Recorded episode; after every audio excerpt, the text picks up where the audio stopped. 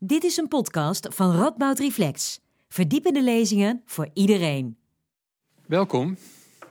Uh, u heeft uh, de beelden waarschijnlijk allemaal gezien.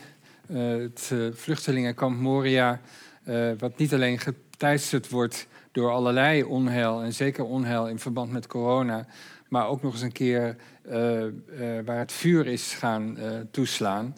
Um, we hadden eigenlijk al sowieso een avond over het vluchtelingenbeleid van Nederland, de Europese Unie en andere landen willen doen. Maar het is des te actueler geworden. Dit actualiteitencollege gaat over vluchtelingen en gaat over de vraag wat de situatie is, waar die situatie vandaan komt en waar het eventueel naartoe zou kunnen en moeten. Um, mijn naam is Kees Leijenhorst, namens Radboud Reflex. Welkom op deze avond. We hebben twee sprekers die met elkaar in gesprek gaan over dit uh, vluchtelingenbeleid, over de vluchtelingensituatie. De eerste is Nora Stel. Uh, zij is docent conflictstudies hier aan de Radboud uh, Universiteit.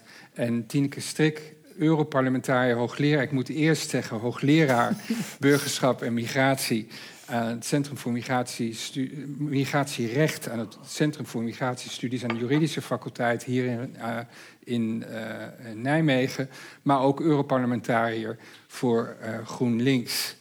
Um, u kunt meedoen. Ehm, dat is anders dan u misschien als u een geregelde bezoeker van Radboud Reflex was, is dat anders dan het was. Er mag coronatechnisch geen microfoon de zaal ingestuurd worden. Als u vragen heeft, kunt u die stellen via Mentimeter. Uh, u vindt de bordjes daar, www.menti.com. En uh, als u slechte ogen heeft, uh, de code is 2427384. Als u die code invoert, kunt u vragen stellen. Die komen hier terecht op een iPad. En die kunnen we dan vervolgens aan de sprekers gesteld uh, worden. We zullen waarschijnlijk het laatste kwartier uh, van vanavond vooral besteden aan de vragen van, uh, van jullie. Um, eerste vraag. Um, hoe moeten we de huidige situatie zien, Tineke? Kun je iets zeggen over de huidige situatie in kampen als Moria, de Turkije-deal, et cetera? Ja, dat is een hele grote ja. context. Ja. Uh, ja. de situatie in Moria. Uh, hij, die is niet ontstaan van de ene dag op de andere dag, inderdaad. Het was al toen uh, de coronacrisis uitbrak dat daar de kampen overvol waren.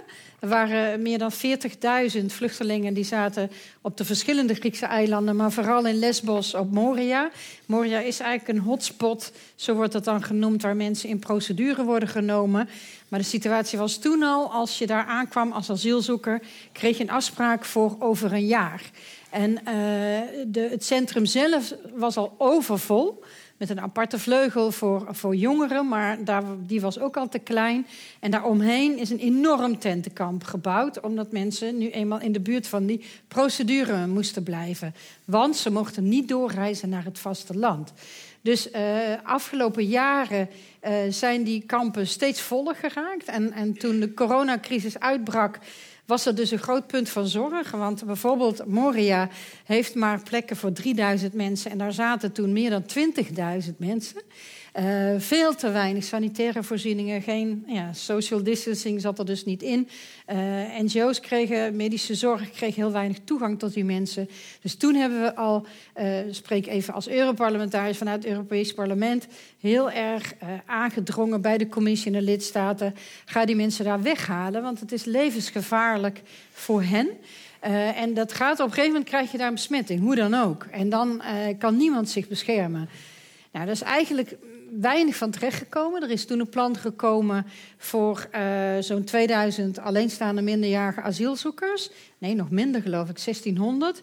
En daar was toen in Nederland ook een enorm debat over. Uh, heel veel gemeentes die aangaven... kom op Nederland, draag ook je steentje bij...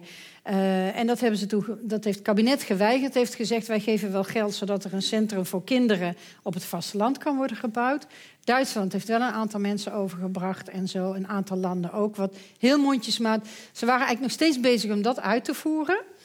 Uh, er waren wel wat meer mensen al naar het vasteland gebracht, maar nog steeds zat in Moria dus 12.000, 13.000 mensen uh, op elkaar gepakt.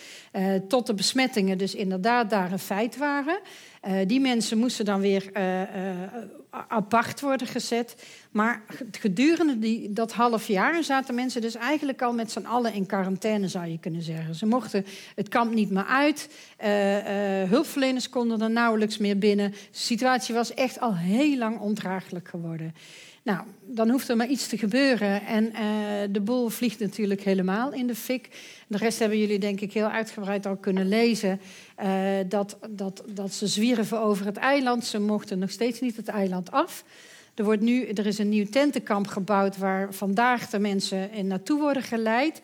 De meeste mensen wilden er absoluut niet in, want ze hadden zoiets van: dan komen we er weer helemaal niet uit. We willen hier gewoon weg. Het gaat niet meer. Um, en dat wordt ze gewoon tot nu toe gewoon verboden. Ze moeten daar blijven. En de grote voorwaarde is uh, dat uh, hun procedure pas wordt opgepakt als ze de tentenkampen ingaan. Dus ja, je ziet nou toch mensen mondjesmaat uh, toch die stap zetten. er zijn nog lang niet voldoende voorzieningen. Ja, we moeten gewoon afwachten hoe het er uh, uiteindelijk uh, uitziet. Nou, de discussie is weer opnieuw losgebarsten natuurlijk. Met uh, ja, de beschamende uitruil. Ik denk dat de meeste van jullie... Moet ik nog even zeggen wat de Misschien moet je dat even doen, ja. ja, en toch maar even zeggen. uiteindelijk is dus besloten dat, er, dat het kabinet 100 mensen gaat overnemen...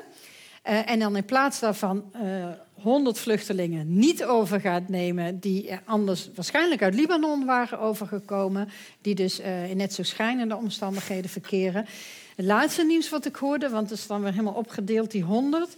Daarvan moeten er geloof ik 50 dan onbegeleide minderjarigen zijn.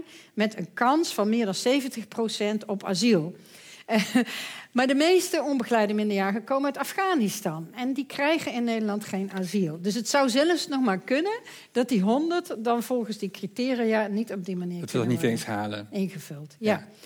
Nou ja, ik heb nog niet over de Turkije-deal gehad. Misschien kom ik daar nog wel op terug. Zullen we het zo meteen over hebben? Ja. Want je noemde Libanon al. Uh, we hebben een expert op het gebied van Libanon. Want je, bent daar, uh, je hebt daar een jaar onderzoek uh, gedaan. kun je iets vertellen over wat, welke rol Libanon speelt in dit, in dit hele verhaal? Ja, ja, wel leuk dat de titel van het, uh, van het actualiteitscollege was uh, De Vergeten Vluchteling. En toen werd er geloof ik in eerste instantie gedoeld op vergeten in tijden van corona, nu we allemaal met onze eigen veiligheid bezig zijn. Maar de meeste vluchtelingen zijn um, sowieso vergeten. Want als vluchtelingen niet in Europa aankomen, dan um, worden ze grotendeels genegeerd door het Europese vluchtelingenbeleid. En um, wat, wat, wat inzet op opvang in de regio heet dat dan. Um, en als het gaat uh, om, om, de Syrische vluchtelingencrisis, een van de grootste uh, vluchtelingencrisissen waar we nu mee te maken hebben, um, is dat in, in, regionale gastlanden als Turkije, Jordanië en Libanon. Libanon telt wereldwijd het, het, grootste aantal vluchtelingen per hoofd van de bevolking. Um, ongeveer een kwart van de mensen in Libanon is op dit moment vluchteling. Dus dat is een leuke vertaalslag als je die naar Nederland maakt en als je het hebt over vragen als draagvlak en verantwoordelijkheid. Um, en en uh, Syrische vluchtelingen in Libanon hebben um, een, een, hele specifieke situatie, maar die, die wel misschien toch ook wat meer licht kan uh, uh, schijnen op, op regionale opvang in zijn algemeenheid. Want het idee achter regionale opvang is vaak. Um, het is logisch. Mensen vluchten zo ver weg als nodig om een directe gevaar te ontvluchten, maar willen in de buurt blijven van hun land van herkomst, zodat ze terug kunnen als dat mogelijk is. Uh, of vaak omdat ze daar mensen kennen, uh, omdat ze daar al netwerken hebben. Um, dus het idee van opvang in de regio is in dat opzicht heel logisch. Maar het zijn natuurlijk ook vaak de landen die überhaupt al kampen met problemen. Vaak dezelfde problemen als waardoor vluchtelingen uit buurlanden gevlucht zijn. En in Libanon ja, is dat een optelsom van, van ontzettende armoede. Um, die vooral nu met de financiële uh, crisis, waar jullie misschien ook hebben meegekregen, specifiek voor Libanon, maar ook al langer uh, wereldwijd gaande is. De coronacrisis die er overheen kwam, de grote ontploffing um, in het havengebied van Beirut. Um, en dat kwam allemaal op al een bestaand uh, vluchtelingenbeleid. Ik moet dat tussen aanhalingstekens zeggen, want het, het, het, grootste beleid in Libanon is dat er eigenlijk geen beleid gemaakt wordt. Dus vluchtelingen, uh, Tineke vertelde net, in, in, in Moria uh, in Europa, als ze binnenkomen, wordt er een procedure in gang gesteld. In Libanon is dat niet zo. Libanon is niet, uh, heeft het internationale vluchtelingenverdrag niet ondertekend. Dus um, officieel zijn er geen Syrische vluchtelingen in Libanon. Die worden niet als zodanig erkend. Um, de VN registreert daar wel vluchtelingen om ze uh, minimale bescherming te, uh, te, bieden. Maar dat heeft de Libanese regering um, uh, ze op een gegeven moment ook verboden. Ze wilden niet meer dat er op papier extra vluchtelingen kwamen. Dus de oplossing was, nou, dan stoppen we gewoon met tellen. Daarnaast zijn er geen officiële vluchtelingenkampen. Dus in Moria is is dat een officiële vluchtelingkamp met VN-status? Ja. Nee, nee, nee, dus nee. niet in de EU. Heb je geen vlucht? Heb je nee. geen nou ja, dan, is het, dan is het vergelijkbaar met de situatie in Libanon. Mensen zijn, uh, uh, ze noemen dat uh, een officiële term self-settled. En dat betekent dat ze dus eigenlijk aan hun lot overgelaten moeten worden. Dat ze zelf voor huisvesting moeten zorgen, daar ook zelf voor moeten betalen. Um, het grootste deel doet dat door uh, um, zeer primitieve woonomstandigheden in, in stedelijke omgeving. Maar er zijn ook heel veel mensen die in meer rurale gebieden in informele nederzettingen terechtkomen. Um, waar ze officieel niet mogen verblijven, waar ze heel veel geld moeten betalen om een tent neer te zetten. en waar uh, uitbuiting, schering en inslag is. En omdat vluchtelingen daar uh, geen officiële status hebben, geen rechtsbescherming, en wel uh, um, zelf voor hun uh, huisvesting en, en, en, en, zorg moeten opdraaien, ontstaat ontzettend veel armoede en uitbuiting. Um, nou, daar kan ik nog heel veel mooie anekdotes over vertellen, maar ik, ik uh, kan het ook even hierbij laten als inleiding. Dankjewel. Um, dan misschien over hoe we hier komen. Hè? Dus uh, hoe we hier gekomen zijn. Uh, dat er zo'n kamp als Moria is, dat er die opvang in Libanon is. Ja. Wat zijn de kaders? Wat is het beleid? Hoe, hoe, hoe heeft dit zover kunnen komen? Kun je daar iets over zeggen? Ja, dat heeft ook alles met de Syrische vluchtelingen eigenlijk te maken. Hm. Uh, want in 2015, ja, toen was de oorlog al vier jaar gaande. toen waren er inmiddels 3, 3,5 miljoen vluchtelingen in Turkije. Uh, want eigenlijk, hè, Libanon, Jordanië en Turkije, die vingen de, de Syrische vluchtelingen op. En um, eigenlijk denk ik dat het een samenloop van factoren was. Uh, uh, spaargeld raakte op van de mensen. hun kinderen konden al drie jaar niet naar school. Er was totaal geen perspectief meer op terugkeer. Dus op een gegeven moment begonnen steeds meer mensen te zien van... ik heb geen toekomst in Turkije. Dus maakten ze de stap naar Europa. En uh, dat is, of, Turkije is ook Europa, dus Europese Unie. Uh, ik, heb dat toen meegemaakt. Ze gingen naar Griekenland en, en daar werden ze alleen geregistreerd. En toen trokken ze door naar, via de westelijke Balkan naar boven, de Balkanroute. En ze waren met zoveel mensen dat op een gegeven moment was er geen andere keus om het veilig te doen dan het maar te organiseren. Ik heb die route ook mhm. meegemaakt. En dan zie je inderdaad, er werden treinen ingezet, bussen ingezet. Uh, uh, plekken waar mensen even mobieltjes konden opladen en eten kregen. En dan gingen ze weer verder. Dat was de periode hè, waarbij iedereen steeds nog refereert aan de gedenkwaardige woorden van Merkel: van wir schaffen das omdat het idee was, er brandde natuurlijk een discussie los. Iedereen wilde al graag naar het noorden en vooral naar Duitsland. Van uh, daar kun je niet zomaar een plafond op zetten, want het zijn vluchtelingen. Dat is eigenlijk wat Merkel zei. Uh, ze bleek, bleef de enige, want de andere landen doken weg.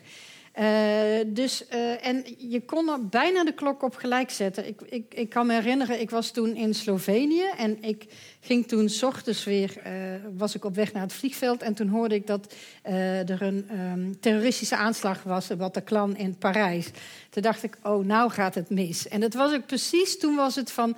hé, hey, maar dit is gevaarlijk, we weten niet wie er naar ons toe komen. Terroristen kunnen wel naar ons komen. En dat was een perfecte reden, zeg maar, argument om te zeggen... en nu gaan we de grenzen weer dichtgooien. Mm. En dat, heeft eigenlijk, uh, dat was een beetje de trigger voor de EU-Turkije-deal... Uh, er werd toen met Turkije afgesproken. Um, je krijgt heel veel geld van ons voor en de opvang van de vluchtelingen en het bewaken van je grenzen. Uh, in ruil daarvoor uh, krijg je, moet je iedereen tegenhouden en ook weer terugnemen. Dus mensen die op de Griekse eilanden aankwamen, moesten worden teruggestuurd. En dan was het zo, in ruil voor elke Syriër die Turkije terugnam... zou Europa één Syriër, een andere Syriër terugnemen. Zo van, die ene mag niet beloond worden, dus dan pakken we, nemen we een andere terug. en natuurlijk ook het vooruitzicht dat, ze, dat de Turkse burgers sneller visumvrij zouden kunnen gaan reizen. Nou, die deal is afgesproken en tegelijkertijd werd er een hek geplaatst tussen Griekenland en Macedonië. En in Griekenland was op dat moment geen enkel opvangsysteem. Echt helemaal niks. En plotseling, want mensen waren aan het reizen, kwamen ze vast te zitten in Griekenland. Ze konden geen kant meer op. Ik ben daar toen ook geweest. En wat daar allemaal uit de grond werd gestampt van oude pakhuizen in moerasachtige industriegebieden waar mensen hun tentje in moesten opzetten. Dat was echt vreselijk, heel slecht. En uh, in die tussentijd, uh, sindsdien heeft Europa veel geld gegeven aan Griekenland om de opvang te verbeteren. Maar dat is nooit helemaal gelukt. En door die deal ja, zit je dus met dat het allemaal op die eilanden moet blijven gebeuren. Nou ja, dat is dus ook steeds explosiever geworden, omdat de eilandbewoners zelf er inmiddels genoeg van hebben. Uh, dus, dus alles bij elkaar is het gewoon eigenlijk een explosief uh, vat geworden. En het komt er eigenlijk op neer dus dit is een, een deal en er worden steeds meer dit soort deals gesloten met transitlanden. Hè, want Turkije heeft ook, waarom heeft Turkije meer verantwoordelijkheid voor die vluchtelingen dan wij? Om uh, die verantwoordelijkheid voor vluchtelingen daar te laten leggen. Uh, in ruil voor ja, dingen die de EU zeg maar, te bieden heeft. Of, of. En wat je eigenlijk steeds meer ziet is dat er eerder werd gepoogd, uh, zeg maar, more for more. Hè? Als jij dat doet voor ons, krijg je wat extra's. Sinds een paar jaar heeft de EU, heeft de commissie steeds meer de houding les voor les. Als je dat niet doet, dan gaan we je de handelsvoordelen afnemen. Dan gaan we je ontwikkelingsgeld afnemen. Dan krijg je geen visa uh, meer. Dat, dus, dus steeds stoerder mhm. en strenger uh, optreden mm om, om, ja, om mensen tegen te houden. Maar de pijler van het, in ieder geval één pijler van het beleid is dus de vluchtelingen laten in de, in de, in de regio ja. uh, zoveel mogelijk niet uh, Europa binnen laten ja. komen. En als ze Europa binnen laten komen, ze daar eigenlijk laten en niet, niet opnemen. Dat is eigenlijk de pijler van het beleid. Ja, dat, dat, je hebt een interne en een externe pijler. Want uh, sinds twintig jaar is het een Europees beleid. Is, hè, is er een gemeenschappelijk beleid. We hebben tal van regels zijn er aangenomen, vastgesteld. We hebben gewoon wetgeving. Dus mensen die het grondgebied weten te bereiken, die hebben recht op van alles. Ja, dat zou je niet zeggen als je nu naar Moria kijkt, maar in theorie hebben ze recht op een asielverzoek indienen, een interview, goede opvang, noem maar op. Alleen het cynische is dat tegelijk parallel daarmee dus het bereiken van het grondgebied heel moeilijk is geworden. Mm -hmm. Het is bijna een soort, je moet eerst een hindernissenloop zeg maar, uh, uh, weten succesvol af te leggen en dan heb je uh, bepaalde rechten. Maar het is voor vluchtelingen ongelooflijk moeilijk om het grondgebied te bereiken. ze krijgen geen visum, want voor bescherming krijg je geen visum. Dat is alleen voor studie, voor werk, voor gezinshereniging. Uh, uh, uh, de vervoerders, zoals eh, luchtvaartmaatschappijen, krijgen enorm hoge boetes als ze mensen wel vervoeren die niet de juiste papieren hebben. Eh, de, de transitlanden worden geholpen door Frontex, EU-agentschappen, maar ook andere douanemensen van hier om, om papieren te checken. Dus dus los nog van die deals hè, is het sowieso al heel moeilijk. En je ziet eigenlijk in de loop van de tijd mensen die moeten vluchten, worden echt afhankelijk gemaakt van mensensmokkelaars. En omdat die routes over land kun je bijna niet meer reizen. Er zijn ook steeds meer hekken geplaatst. En, en wordt teruggestuurd vanuit die, vanaf die hekken. Dat, dat de reizen langer worden en gevaarlijker en duurder. Wat is de achtergrond van dit beleid? Waarom is er dit beleid? Um, ja, dat is een hele goede vraag. Ja. Uh, ja, het is beleid natuurlijk van uh, uh, afschuiven. Het is uh, de, enerzijds. Maar waarom schuiven het zeggen... af? Mensen, die mensen hebben dus rechten. De Europese Unie is een gemeenschap ja. die rechten mensenrechten uh, zeer hoog in het vaandel, vaandel heeft. Ja. Hoe kan het dan zijn dat we een dergelijk beleid hebben? Ja, kijk, eh, de, de, de, de boodschap is: wij willen illegale migratie tegengaan en voorkomen. He, wij willen uh, gecontroleerd, uh, gecontroleerde binnenkomst. We willen mm -hmm. weten wie er binnenkomt. Mm -hmm. He, dat, dat is best te rechtvaardigen. Maar daar zou dan tegenover moeten staan dat je het gecontroleerd doet. Dat je het organiseert. Ja. En want dat is een andere poot. Je hebt natuurlijk de mogelijkheid van hervestiging van vluchtelingen. Je kunt ze legaal uitnodigen. de VN-organisatie UNHCR, waar Nora het net ook al over had, die, uh, ja, die is actief in alle vluchtelingenkampen in de wereld. Die, maakt, uh, die, die, die beoordeelt of mensen in aanmerking komen voor bescherming. Uh, die maakt ook wachtlijsten van zijn mensen kwetsbaar, hè, zijn ze, moet, kunnen ze hier blijven of moeten ze ergens anders naartoe. En daar kunnen natuurlijk landen die verder weg liggen van de, van de brandhaarden, die zouden op die manier gewoon hun deel kunnen nemen. Mm UNHCR wil dat dolgraag. Die zegt ook van ongeveer 10% van de mensen die in de kampen zitten... zijn te kwetsbaar om daar opgevangen te worden. Die hebben meer zorg nodig dan daar kan worden geboden. Mhm. Dus dat, dat zou eigenlijk al uh, ja, een hele goede, goed aanknopingspunt zijn. Mhm. Maar dat is juist niet Europees geregeld. Er is wel een soort uh, raamwerk van... Uh, dat, hè, dat als landen het doen, ze het op een bepaalde manier moeten doen. Maar de aantallen daar kan ieder land zelf over beslissen. En Nederland heeft uh, een, een, een quotum van 500 mensen per jaar die ze op die manier willen hervestigen. Ja, dat, zijn de 500 waar we het net over hadden. Uh, dus die, waarvan er dus 100. Ja, we zijn van er dus nu 100 naar, naar Griekenland. en, en waarschijnlijk lukt dat zelfs niet. Ja. Um, Je krijgt de indruk uh, dat er beleid is dat eigenlijk gericht is op non-beleid. Uh, op zo min mogelijk eigenlijk je committeren, uh, het zo, ver mogelijk wegschuiven. Herken je, herken je dat? Ja, er zit natuurlijk een, een hele fundamentele paradox in um, het Europese externe en interne migratiebeleid. Um, wat in principe gestoeld is op, op internationaal vluchtelingenrecht, internationaal mensenrechtenprincipes.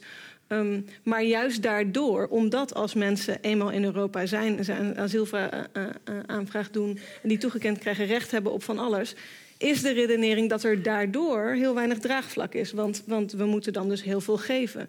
Um, de oplossing dan is dus zorgen dat er zo min, mogelijk mensen daar daadwerkelijk een beroep op doen. Want als ze er een beroep op doen en ze hebben recht op, moeten we dat geven. En dat is door het voorkomen van uh, uh, vluchtelingen, te voorkomen dat vluchtelingen naar Europa toekomen. Maar dan krijg je dus een hele cynische redenering, want in veel regionale gastlanden, ofwel vanwege capaciteitsproblemen, ofwel vanwege politieke onwil, um, zijn natuurlijk absoluut niet dezelfde mensenrechten standaarden.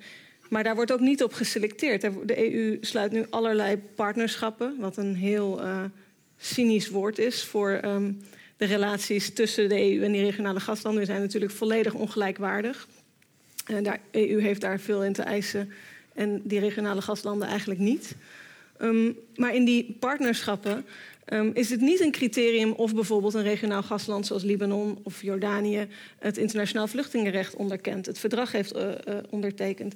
Um, of zij vluchtelingen enige bescherming uh, of, of uh, welzijnsgarantie bieden, is geen overweging voor de EU om zaken te doen daarin. Dus aan de ene kant wordt er gezegd: wij hebben zo'n hoge standaarden en daarom kunnen we niet zomaar iedereen toelaten. Terwijl tegelijkertijd dat dus betekent dat bijna iedereen in een situatie terechtkomt waar die standaarden niet nageleefd wordt, waar de EU specifiek op inzet om zoveel mogelijk mensen daar te houden.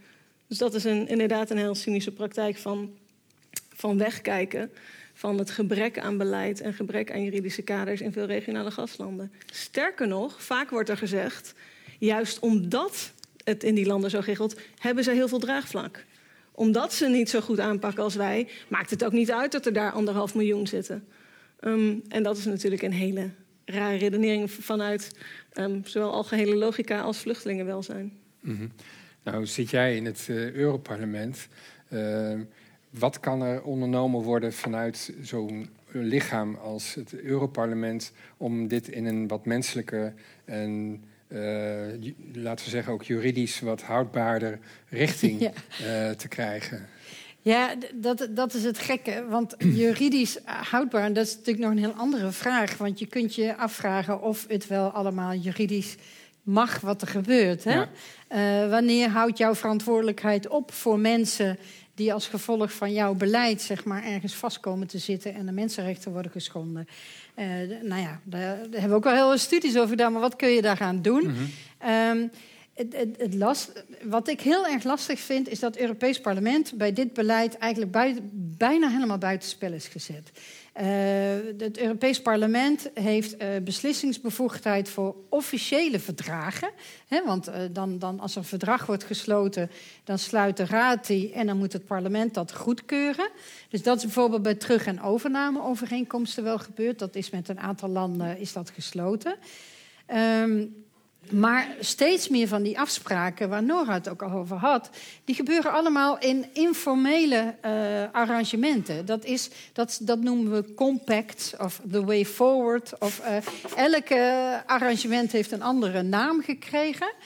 En dat is dus bijna niet te pakken. Dat is, uh, het, is, het wordt als niet bindend gezien, of daarom hebben wij er niks over te zeggen. Uh, maar landen worden er wel degelijk op afgerekend. Hè? Want als ze bepaalde uh, uh, afspraken niet nakomen, nou, dan kan dat dus repercussies hebben voor het geld wat ze ontvangen of wat dan ook. Um, ik, ik, zie het een beetje als mijn taak om dat ook te ontrafelen en te kijken van als het EP hier onterecht buitenspel wordt gezet, om dan desnoods te kijken of je naar het hof kan stappen, zeg maar, van dit moet anders geregeld worden. het hof in, uh, in, van justitie. Justitie in Straatsburg. Ja, maar goed, niet dat mijn, uh, onze competentie het belangrijkste is, mhm. maar ik vind het wel zorgelijk dat er helemaal geen democratiecontrole over is, dat het totaal niet transparant is, ook niet wat er met de gelden allemaal gebeurt. Uh, en ook nog erger, dat daardoor ook uh, mensen niet de rechten kunnen inroepen die ze hebben. Bijvoorbeeld met de EU-Turkije-deal. Uh, er waren op een gegeven moment een aantal vluchtelingen op Lesbos. Die zeiden, wij stappen naar de rechter, wij stappen naar het Hof van Justitie... want onze rechten worden hier geschonden als gevolg van die deal. Heel goede redenering. En je zou zeggen, dan moet je inderdaad bij het Hof van mhm. Justitie. En wat zei het Hof van Justitie? Uh, ja, dan ben je bij het verkeerde adres. Want dit is geen uh, verdrag tussen de EU en Turkije. Dit is een statement, een verklaring tussen uh, de regeringsleiders van de EU en Turkije. Ik, daar sta ik helemaal buiten.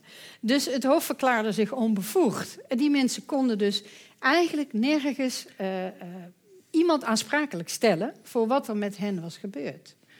Dus, dus dat is ook echt waarom het zo belangrijk is dat dingen wel goed zijn geregeld en uh, een juridische status hebben, mhm. waardoor je er mhm. ook nog. Uh, maar zeg je dus ook dat, het, dat de, deze, deze stateloosheid of uh, dit, dit überhaupt gebrek aan juridische status eigenlijk een hele bewuste politiek ja, dat er een hele bewuste politiek achter ja, zit? Ik denk dat echt dat dit heel bewuste beleid is om aansprakelijkheid te omzeilen. Absoluut. En, en, maar van wie is dat dan, dat beleid? commissie en lidstaten. Mm ik denk dat die dat, die, dat samen. Uh, kijk, waar de commissie eerder ook nog wel een soort van geweten was, zie je dat ze sinds ze politieker zijn geworden, steeds meer eigenlijk samen meedenken met de lidstaten, zeg maar, van hoe kunnen we dit soort dingen oplossen. En, en wat dat betreft staat het EP nu wat meer alleen, zeg maar, dan eerder.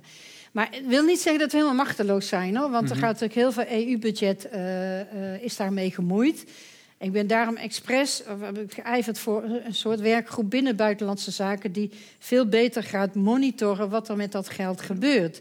En ik, ik schrijf nu een rapport over de mensenrechtelijke aspecten van die externe dimensie om proberen ja, wat criteria voor onszelf te maken die als een soort toetssteen kunnen gaan fungeren als wij bepaalde nou ja, beleid, uh, budget, noem maar op, uh, moeten gaan beoordelen.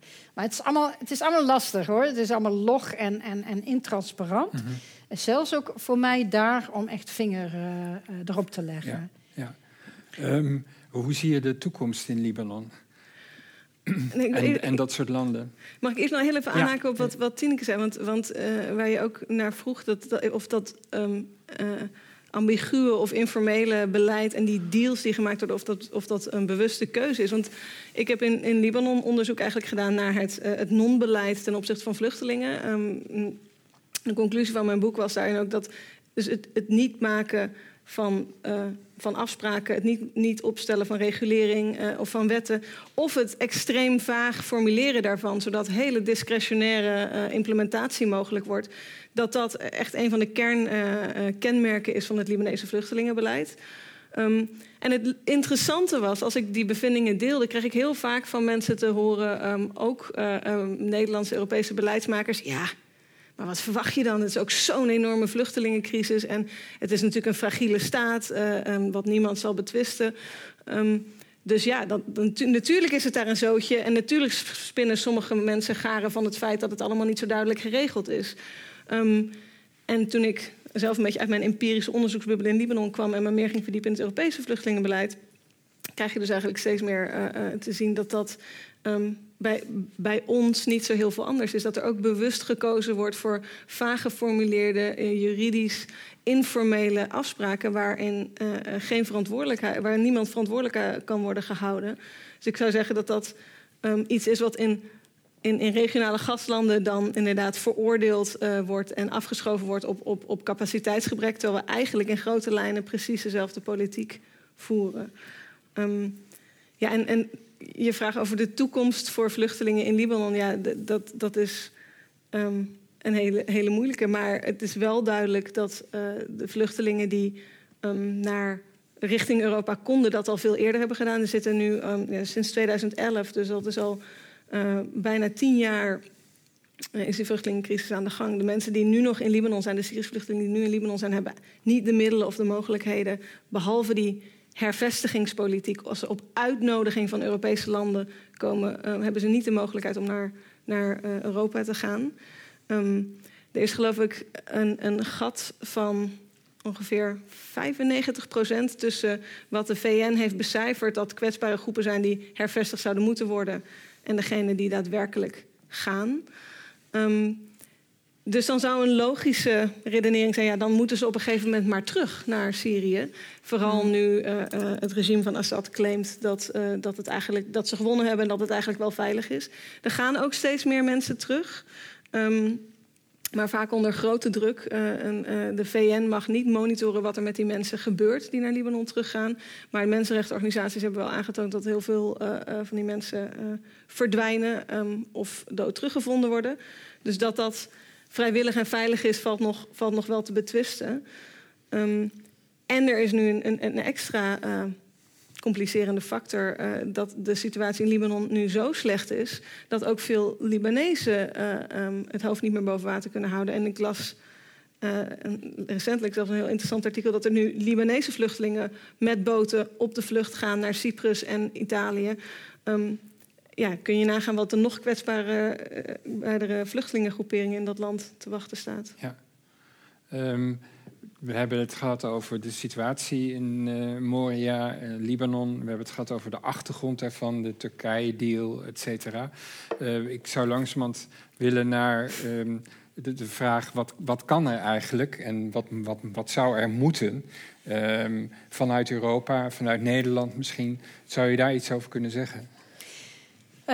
Ja. Um we hebben het net al heel even over internationaal vluchtelingenrecht gehad. Dat is natuurlijk gewoon een heel kader. Alleen wordt dat niet uh, nageleefd. Maar uh, twee jaar geleden hebben de VN-landen, de meeste VN-landen, wel weer dat is ook een soort compact, maar in ieder geval ook weer afgesproken met elkaar.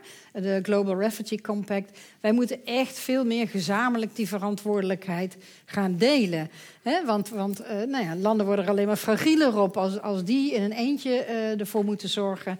En het is vooral gewoon bovendien heel slecht voor, uh, voor de vluchtelingen. Um, en ik denk dat dat helemaal niet zo moeilijk is als die politieke wilde zou zijn. Want zoveel zijn er nou ook weer niet mondiaal gezien. Er zijn iets van ruim 80 miljoen vluchtelingen, waarvan meer dan de helft ontheemd is in eigen land. Uh, dus uh, je hebt het over uh, nou, 30 vluchtelingen die buitenslands zijn. Miljoen, waar, je, mm. waar we samen moeten voor zorgen. Ik denk wat, wat heel belangrijk is, is dat er veel meer uh, en veel steeds sneller ook steun moet worden verleend aan juist die buurlanden. Omdat daar, als er een conflict uitbreekt, het veel te lang duurt voordat er uh, uh, fondsen op gang komen en veel te weinig. Uh, dus daar moet veel betrouwbaarder en structureler uh, een financieel kader voor geschetst. Zeg maar een soort groot vluchtelingenfonds uh, dat dat ook kan garanderen. Um, en, en, daarnaast moeten er natuurlijk veel duidelijker commitment of verplichtingen komen voor landen die verder weg liggen, om uh, ook hun deel te nemen, fysiek gezien. En wat je nu ziet, wat de EU doet, is niet, staat niet op zichzelf. De VS doet precies hetzelfde. Australië doet ook precies hetzelfde. Dus juist degenen die meer aankunnen, die uh, duwen steeds meer weg. En die moet je er dus weer bij trekken. Om te zorgen, dit is, de wereld is te klein om te denken dat je er zo weg kan kijken en het is weg. Dus, dus dat moet zeker gebeuren. Um, je kunt natuurlijk heel goed samenwerken met transitlanden, met herkomstlanden. Maar ik zou zeggen, eh, richt je dan op het verbeteren van de situatie daar. Uh, dus, dus als je geld geeft voor betere beschermingssystemen of wat dan ook, doe dat dan niet onder voorwaarde dat ze daar moeten worden tegengehouden, maar onder voorwaarde dat mensen daar uh, meer perspectief krijgen. Bijvoorbeeld toegang tot de arbeidsmarkt. Uh, doe iets met je universiteiten hier met naar daar. Zorg dat mensen weer iets kunnen gaan opbouwen. Mm -hmm. um, en bijvoorbeeld inderdaad onder voorwaarde dat de mensenrechten uh, daar ook gerespecteerd worden. Nu is het mhm. juist andersom. Houdt de EU zich stil omdat ze niks te bieden hebben daarin. Want ze, hebben alleen maar, ze willen alleen iets anders, mhm. namelijk dat tegenhouden. Maar je noemde net een heel belangrijk, uh, belangrijke term, politieke wil. Uh, dit zijn allemaal hele mooie maatregelen, zeg maar. Maar het lijkt ook in, in ieder geval in dit land dat de, de, de algehele politieke wil ontbreekt om dat daadwerkelijk ook te doen. In ons buurland Duitsland is dat beter ontwikkeld. Die hebben hun eigen geschiedenis misschien uh, daar. Uh, ja. daarin. Maar hoe, hoe, hoe kan dit, wat je noemt, tot stand komen als die politieke wil ontbreekt, als we niet, niet verder kunnen komen dan 100 uh, kinderen opvangen uit, uit, uit Moria? Ja. Ja, ik, ik, ja, ik, ik denk twee dingen. De, de enerzijds uh, toch dat veel meer het besef doorbreekt dat ons, ons buitenlandbeleid uh, ook heel nauw samenhangt met, uh, met, met, met, vluchtelingen. Dat we dat niet. Hè, in die zin vind ik het wel dat je het, het bij elkaar moet pakken, maar op, wel op een manier van. Als je dat niet, als je, hè, leave no one behind, als je niet zorgt dat het overal goed geregeld is, dan, is, dan, dan ga je zelfs ook jezelf schaden. De, dat, dat, zou ik hopen dat EU-landen dat ook inzien. Dat dit korte termijn denken is, dat je daar later alleen maar last van mhm. krijgt. Maar hoe doorbreek je het? Publieke opinie is natuurlijk een hele belangrijke. Want je ziet dat politieke leiders geneigd zijn zich achter de publieke opinie te verschuilen. En dat is een soort, circule, of, uh, een soort visieuze cirkel. Want zij beïnvloeden op hun beurt ook weer die publieke uh, opinie. Want ik denk wat je wat je ziet, inderdaad in Duitsland, maar ook wel hier, dat veel gemeenten steeds hebben gezegd: laat ze hier komen. Wij kunnen het regelen, we kunnen dat aan. Ik denk dat er onderhand wel steeds meer mensen zijn die zich echt schamen voor, voor dat karige uh, wegkijkbeleid. Mm-hmm. Dus uh, uh, ik denk als dat vocaler wordt en als ja, dat, dat dat heel erg de druk zou kunnen betekenen. Mhm. Eigenlijk die uitruil, hoe beschamend ook, is ook, was ook wel een gevolg van die druk. Ja. Anders was er helemaal, helemaal niks gebeurd. gebeurd. Dus... Nee. Oké, hoe zie jij dat? Ja, ik, ik denk dat, er, dat, dat hetzelfde, het verschuilen achter draagvlak. Um, nou ja, ik ben er wel benieuwd naar. Ik, ik vraag me af uh, in, in, hoeverre dat draagvlak regelmatig getest wordt, waar, waar de politieke wil vervolgens aan opgehangen wordt. Um, maar en dat heeft denk ik inderdaad ook te maken met dat ik denk, maar dat kan heel naïef zijn, dat, dat heel veel um, Europese burgers um, ook niet doorhebben dat heel veel van, van, het, van het beleid en de rechten die er dus zijn, die wij, uh, waar we ons aan gecommitteerd hebben als Unie, niet worden nageleefd. Omdat er dus met zeg maar, twee maten gemeten wordt. Omdat er aan de ene kant gezegd wordt, we hebben het internationaal vluchtelingenrecht en onze mensenrechten, en dat vinden we heel belangrijk. Um, en die verdragen er zijn ik denk dat heel veel burgers ervan uitgaan dat het dan dus ook nageleefd wordt. Dus in dat opzicht zou er niet eens zo heel veel moeten veranderen. Maar er zou een bewustzijn moeten komen dat dat dus niet het geval is. Dat heel veel van de afspraken waar we ons voor gecommitteerd hebben niet bindend zijn en niet nageleefd worden. Dus dat dat, dat, dat de eerste stap is. Doe eens gewoon wat we zeggen dat we zouden doen. En waarvan de meeste mensen waarschijnlijk al denken dat we het doen. Terwijl dat niet aan de hand is. Dus begin daar maar eens mee. Um, en daarna komen natuurlijk wel, hang, dat hangt wat mij betreft samen met wat fundamentelere vragen. Uh, inderdaad, waar het op gestoeld is, dat het simpele feit dat Libanon naast Syrië ligt, betekent dat zij een grotere verantwoordelijkheid zouden hebben dan wij. In principe, weder, wederom redenerend vanuit een mensenrechtencontext, zou je zeggen, de, de um, breedste schouders dragen de zwaarste lasten. Maar wat je nu ziet, is precies het tegenovergestelde. Um, juist omdat ze te zwak zijn om zelf hun beleid niet te kunnen outsourcen, zitten ze ermee. Ik denk dat Libanon het heel fijn zou vinden om ook een deal te sluiten met een ander land dat hun vluchtelingen zou kunnen opvangen. Maar die positie hebben ze gewoon geopolitiek niet. Ehm, en, en, en daar zie je precies ook uh, zeg maar, uh, de negatieve effecten die het kan hebben. Doordat Libanon al zo lang voor zoveel vluchtelingen moet zorgen. Voor de Syriërs ook de Palestijnen al natuurlijk, hè, die wel in kampen zitten daar. Dat heeft wel bijgedragen aan de fragiliteit van het land. Dus de, als je echt de druk te groot op een aantal landen legt... en het zijn eigenlijk mondiaal gezien maar een paar landen waar de druk op ligt ja, dan ga je vanzelf misschien uh, ertoe bijdragen dat zo'n land ook omvalt. Dat je mhm. alleen maar meer vluchtelingen creëert. En, en voor de vluchtelingen zelf is het natuurlijk gewoon onhoudbaar. Want dan kun je daar nooit een toekomst op bouwen. Misschien nog wel een kanttekening. Want het beeld dat ik nu geschetst heb... omdat mijn eigen expertise uh, uh, bij Libanon in het Midden-Oosten ligt... het idee dat alle regionale gaslanden het een stuk slechter doen dan Europa... Um, is... Um, is niet helemaal uh, uh, correct, zou ik zeggen. Sowieso dus omdat eigenlijk Europa dezelfde uh, logica um, implementeert. Maar er zijn ook in Afrika bijvoorbeeld... Oeganda is een van de landen die wereldwijd de grootste hoeveelheid vluchtelingen opvangt... die een beleid voert wat wereldwijd als model gezien wordt. wat heel constructief is, heel gericht op het, het naleven van mensenrechten... waar regelmatig ook van gezegd wordt... nou, daar zou Europa een voorbeeld aan kunnen nemen. Dus het is, niet, het is ook weer niet zo dat inderdaad eigenlijk Europa de hoogste standaarden heeft en daarom het niet altijd na kan komen en het in de regio altijd een stuk slechter is voor vluchtelingen. Mhm. Ik denk, ja. Misschien als één ding mag toevoegen, want hoe moet het nu verder? Ik heb het net even geschetst eh, met het buitenlandbeleid, zeg maar. Hè? Dat je migratie niet alleen maar steeds bovenaan moet zetten, maar ook naar je andere doelen kijken. Uh, maar ook binnen Europa uh, moet er natuurlijk echt iets fundamenteels veranderen. Want waarom uh, zijn er problemen vooral aan de buitengrenzen? Dat komt door het verdeelsysteem wat is afgesproken. Waar een, land, waar een vluchteling binnenkomt, dat land draagt de verantwoordelijkheid voor de asielprocedure van die persoon, van die asielzoeker. Dus je kunt nagaan dat de landen aan de buitengrenzen een veel grotere druk hebben en veel grotere verantwoordelijkheid. Um, volgende week komt de Europese Commissie met een heel nieuw plan, nieuw asielpakket.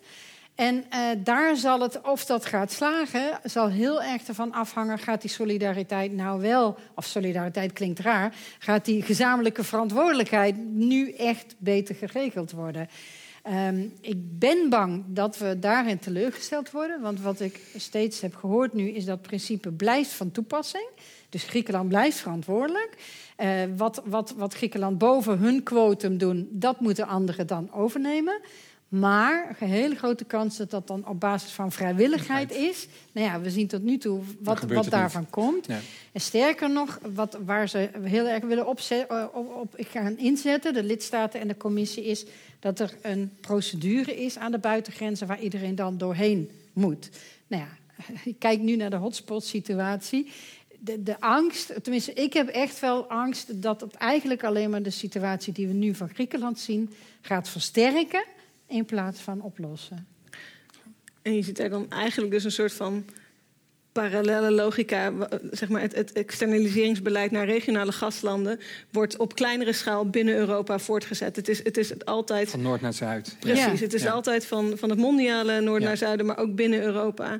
Um, um, de, recht, de, de, de, verantwoordelijkheid waar we ons officieel aan gecommitteerd hebben, uh, wordt in de praktijk zoveel mogelijk afgeschoven. Ja, laat Libanon maar afgeschoven. Als het dan toch lukt om daar te komen, dan zoekt Griekenland het maar uit.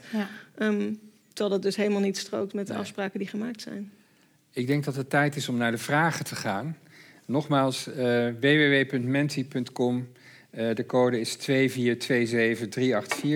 Uh, er is al ehm, eh, het een en ander binnen.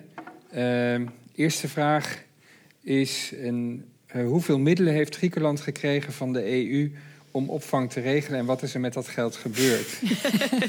Interessante vraag, dank u wel.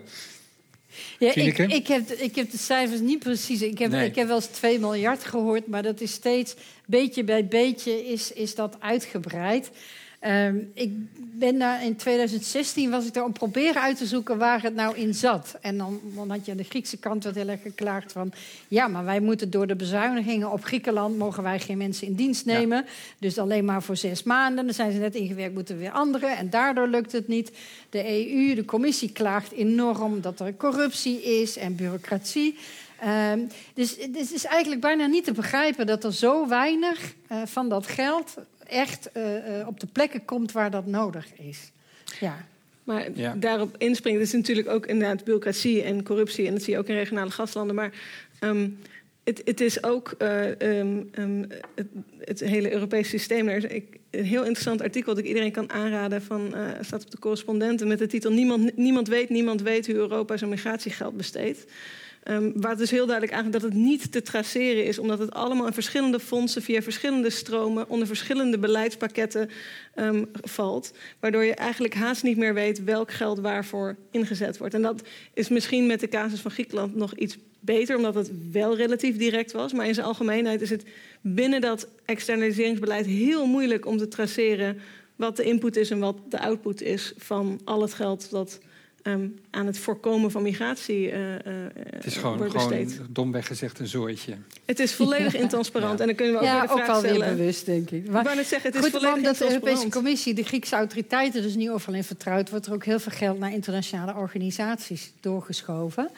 En dat werkt dan ook weer niet altijd met elkaar samen. Zeker niet samen met de Griekse autoriteiten, die daar eigenlijk eh, genoeg van hebben dat er op hun grondgebied allerlei internationale clubs zouden moeten werken. Ja. en heel veel geld wordt ook nooit daadwerkelijk gegeven. Voor opvang in de regio zijn er bijvoorbeeld sinds 2016 is er een jaarlijkse conferentie uh, voor de uh, toekomst van Syrië en de regio, waar je dan geld gepledged wordt, beloofd wordt. Ja. Donorconferenties.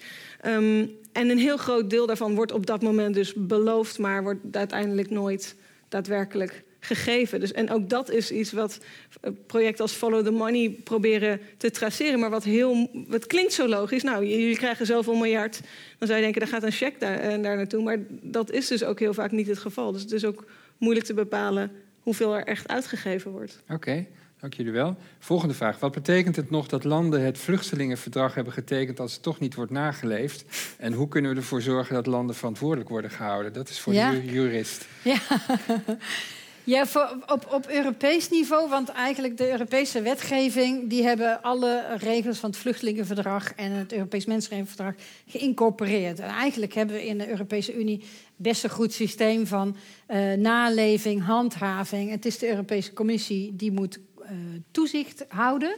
op of, landen zich aan de Europese regels houden... en dan uh, handhaven als dat niet zo is. En inbreukprocedures, naar het hof stappen, boetes, et cetera... Maar wat je hier ziet, is dat dat eigenlijk heel, dat dat op het gebied van asiel bijna niet gebeurt. Dat is heel opvallend. Uh, uh, en met name zie je dat heel erg bij de buitengrenzen. Hè? Eigenlijk bij bijna alle buitengrenzen. Kroatië, Bosnië, uh, Polen, Belarus, Spanje, Marokko, Griekenland, Turkije.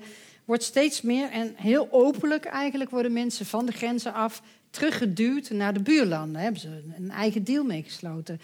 En dat druist regelrecht in tegen de kern van het Europese asielrecht in. Je hebt recht op, uh, uh, je hebt toegang tot een asielprocedure. Je moet de mogelijkheid krijgen om te zeggen: ik heb bescherming nodig en dan moet dat onderzocht mhm. worden. Nou, we hebben al heel vaak de commissie gevraagd van, want er zijn allerlei rapportages van ombudsmannen en dergelijke over die pushbacks. En ze van, wat doe je nou, commissie? Ja, het is moeilijk te onderzoeken. Het is, we weten het niet zeker. En, uh, terwijl de ombudsman gewoon het, het, het al lang gezien en gerapporteerd hebben. Mhm. Nu heeft de commissie ook toegezegd in een nieuwe voorstellen met een beter monitorsysteem te komen. Nou ja, we moeten afwachten wat dat gaat inhouden. Maar monitor is één ding, handhaven is een ander ding. Je moet ook stappen zetten. En tot nu toe, dat is de dubbelrol van de commissie. Enerzijds moeten ze dus uh, landen zeg maar, op het politieagent spelen. Anderzijds moeten ze landen verleiden om mee te gaan met nieuwe wetgeving. Mhm. En, en dat, ze zitten veel meer op die andere toer en zijn denk ik bang om landen van zich te vervreemden... dan dat ze gewoon die rol uh, vervullen. Mm en, ja. ja.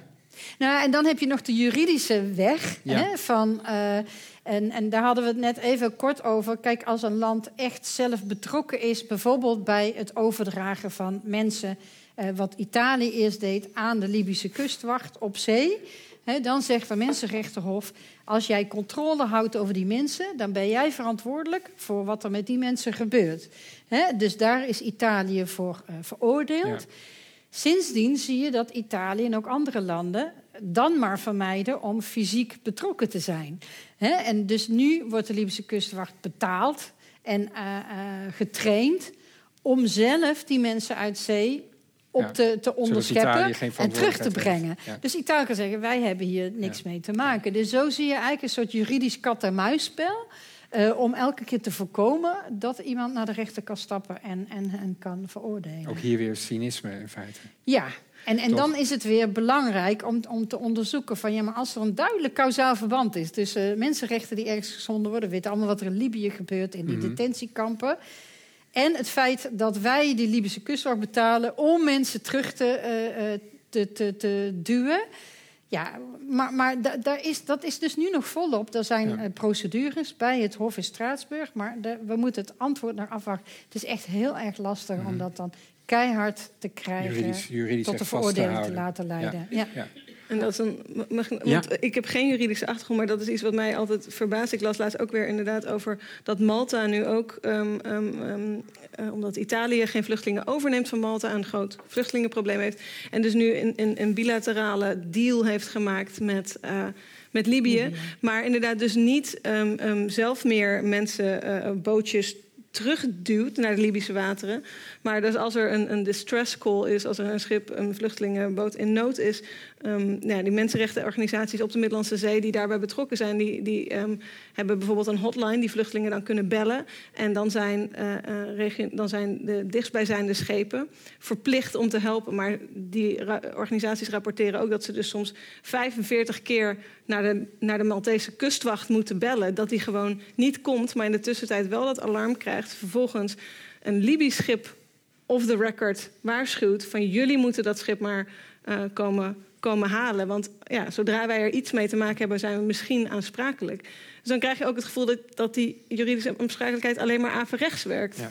Dat daardoor de situatie nog veel ellendiger wordt. Dus, dus net als met van verdragen naar informeel, uh, ook dit soort. Ja, maar hoe kan je die catch-22 dan? Nu zit ik er zelf een vraag tussen te schuiven. Hoe kan je die catch-22 dan tegengaan? Want aan de ene kant wil je dus, wil je dus staten daaraan kunnen houden, maar aan de andere kant, als ze daaraan kunnen houden, dan, dan gaan ze dus inderdaad informeel outsourcen naar landen die daar niet aan gelegen laten liggen. Ja, maar daarom ontkom je niet op een gegeven moment aan uh, politieke wil. Want uh, kijk, rechters kunnen ook niet eindeloos blijven oprekken. Je ziet ook dat rechters daar ook gevoelig voor zijn. Hè? Ik bedoel, ze, ze, zijn ook bezig met opnieuw dingen uitleggen. Dat zijn steeds weer allemaal nieuwe praktijken die ze moeten toetsen tegen oude verdragen. En op het moment dat landen alleen maar de andere kant uithollen, ja, dan, dan, voelen zij zich op een bepaald moment ook begrensd. Dus het moet bijna, ik, bedoel, ik begrijp dat heel goed, organisaties gaan steeds meer dan maar via procedures iets proberen op te lossen. Maar het moet allebei. Het, het mm. kan niet uh, mm -hmm. zonder het uh, andere. Mm -hmm. uh, volgende vraag is: hebben jullie advies voor burgers? Welke rol kunnen burgers, welke rol kunnen jij en ik uh, spelen in dit verhaal? Hebben we, hebben we, hebben, kunnen we iets? Wie? ja, ik denk dat iedereen iets kan. Ik bedoel, uh, we hadden het net al over publieke opinie. En die, die, die, um, die vorm je met z'n allen. Hè? Ik bedoel, de een, een opiniestuk schrijven is heel duidelijk, bijdragen daaraan. Maar je, je voert ook gesprekken en uh, uh, je kunt ook feiten laten zien. En op die manier kan iedereen bijdragen aan het nou ja, misschien wel het ontvremen zeg maar, van het huidige politieke debat. Om de andere kant te laten zien. Mhm. Te praten, te werken, te, te, te, te leven met vluchtelingen die wel dat verhaal kennen. En, en die daar. Uh, zet die maar meer in de, in de schijnwerpers, laat die vertellen over hoe het gaat. Mhm. uh, ik ga ook zoveel mogelijk naar plekken toe om van daaruit te laten zien wat effecten zijn van iets. En dat, dat, kan natuurlijk niet iedereen, maar we kunnen wel zorgen, de wereld is zo klein met de digitalisering, dat we dat veel dichter bij mensen brengen, uh, zodat we daar niet meer van kunnen wegkijken mhm. eigenlijk. Mhm. Ja, ik zou me daar bij, helemaal bij aansluiten. Het bevragen van, van ons, ons eigen beleid en wat ik, wat ik eerder aangaf, uh, dus niet. Um, um, ja, zomaar, zomaar aannemen wat er vaak gezegd wordt over die, ja, die self-fulfilling prophecy van er is, er is te weinig draagvlak, dus is er geen politieke wil. Um, en inderdaad, het, het, het uh, bewustzijn van, van het beleid wat in onze naam gemaakt wordt, waar wij ons officieel aan gecommitteerd hebben, um, om het heel ordinair te zeggen, wat ons belastinggeld voor gebruikt wordt in, in, in het outsourcen van die migratiemanagement, om daar uh, je ja, bewuster van te zijn en daar dus ook vragen over te kunnen stellen. Maar juist over Hoe complex het ook is. Juist over dat draagvlak is er ook een, een vraag. gezien de populariteit van rechtspopulistische partijen, xenofobie in de EU, is het toch aannemelijk dat er geen draagvlak is. En dat VVD bijvoorbeeld juist voorzichtig is uit angst om stemmen te verliezen. dus dat draagvlak, dat, dat, daar, daar, daar zit toch juist een groot probleem. Ja, maar ook dat is dus een catch-22-situatie weer. Hè? Kun je dat even uitleggen, wat dat is? nou ja, ik bedoel, op het moment dat, uh, dat het uh, maatschappelijk draagvlak... Dat, dat die publieke opinie niet vanzelfsprekend is van... oh, angst voor, uh, voor meer vluchtelingen... Mm eh, dan zal de VVD ook echt wel weer meebewegen. Ik bedoel, de, de VVD kijkt gewoon naar uh, inderdaad hoeveel stemmen. En uh, is niet per se daarop uit. Mhm. Dus, dus dat bedoel ik met Catch-22 van... de VVD reageert ook op bepaalde ontwikkelingen. En ik denk inderdaad dat misschien het rechtspopulisme... wij waren denk ik wel een voorloper in Europa. al twintig jaar geleden met de opkomst van Fortuyn. En later zag je het eigenlijk in steeds meer landen. Maar bij ons heeft het een enorme invloed al gehad op hoe uh, inderdaad middenpartijen ook zijn gaan denken en gaan uh, framen. En, uh, en dat zal niet makkelijk zijn om dat om te draaien. En daarom denk ik, moet je beginnen bij de burgers. ik denk dat dat gewoon de mhm. beste manier is. En die spreken politici aan. Mhm. En ook wat natuurlijk een, een, een, een lastige dimensie van, van, het, van het debat is... dat vluchtelingen en migratie vaak op één hoop gegooid worden. Daar zijn ook empirisch soms wel goede redenen voor. Maar volgens mij is, is vaak aangetoond dat het draagvlak voor het opvangen van vluchtelingen eigenlijk best wel hoog is. Waar de rechtspopulistische partijen vaak op inspelen is um, de algemene migratie. En ik, ik, vind het altijd complex om zo duidelijk een onderscheid te maken. Dus dit is een politieke vluchteling, dit is een economische gelukzoeker. Daar sta ik helemaal niet achter. Maar dat er verschillende redenen zijn voor mobiliteit uh, is wel evident. En ik heb het idee dat waarop ingespeeld wordt in, in, in, uh, en waarop gezinspeeld uh, wordt met een gebrek aan draagkracht, vaak het idee is van iedereen mag zomaar komen. Maar als ja. er opiniepolls zijn ook over, over um, draagkracht voor, voor opvang van vluchtelingen, um, zijn die helemaal niet zo, uh, zo laag als vaak uh, uh, verwacht wordt. Ja. Mm -hmm. ja. Dus dan is dat draagvlak bij de burgers is er eigenlijk toch veel meer dan politici vaak doen, alsof, als, alsof er ja, is. dat denk ik zeker. En dat, dat, dat het debat heel erg vervuild wordt met onjuiste frames. en, en dat het mm -hmm. heel vaak alleen over getallen gaat, die al heel snel enorme proporties ja. aannemen. Ja. Ja. en dat men ook niet weet hoe de situatie elders is. Hè? Want de, de, de, de perceptie is nog heel erg van... ze komen allemaal naar Europa. Hè? En, en wij moeten ze veel meer mensen opvangen dan anderen. Nou, dat, dat is dus gewoon ver bezijde de waarheid. De meeste uh, migratie, ook van vluchtelingen... vindt ergens anders plaats. Mm -hmm. Bijvoorbeeld in Afrika, daar gaan veel meer mensen ergens naartoe op de vlucht dan dat ze naar Europa, Europa komen. Ja. En dat soort feiten kunnen soms wel helpen om de zaak weer in perspectief uh, te zien. En, en, en ik denk mm -hmm. een van de grootste misverstanden, of ja, iets wat, wat uh, vaak ook niet helemaal begrepen wordt, is dat vluchtelingen die dus um, vaak recht zouden hebben op asiel als ze toegang zouden hebben tot een asielprocedure.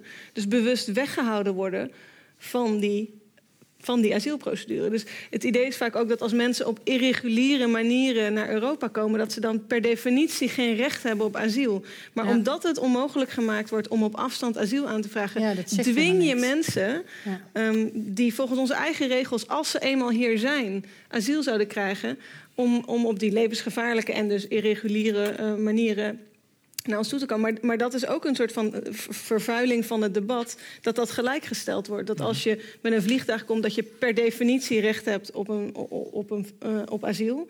Wat heel vaak niet zo hoeft te zijn. En dat als je gedwongen wordt in een bootje te gaan, omdat je bij de ambassade in Libanon geen, geen uh, asiel aan kan vragen voor Europa, dat je dan per definitie inderdaad een gelukzoeker bent die geen recht heeft. Ja. Dus die framing, daar moeten we vanaf. Absoluut. Het is nog een laatste hele hartstochtelijke vraag. Namelijk of jullie, en daarmee bedoel ik dus jullie... Uh, aanstaande zondag naar de demonstratie in Park Brakkestein komen om vier uur. Blijkbaar is er een demonstratie. Is dat uh, over Moria? Ja, ja. Oh, heel goed. Uh, nee, helaas. Dan ben ik in Drenthe. maar ik was, ik was afgelopen zaterdag in Utrecht. Ik ga hem wel in mijn agenda zetten. Ja. Oké. Ehm, maar goed dat het gebeurt. Ja, ja heel goed. Um, dank jullie wel. Een groot applaus voor, uh, voor uh, Tineke en Nora. Uh, heel erg bedankt voor jullie inbreng en voor de discussie. Dank jullie wel. Jullie bedankt.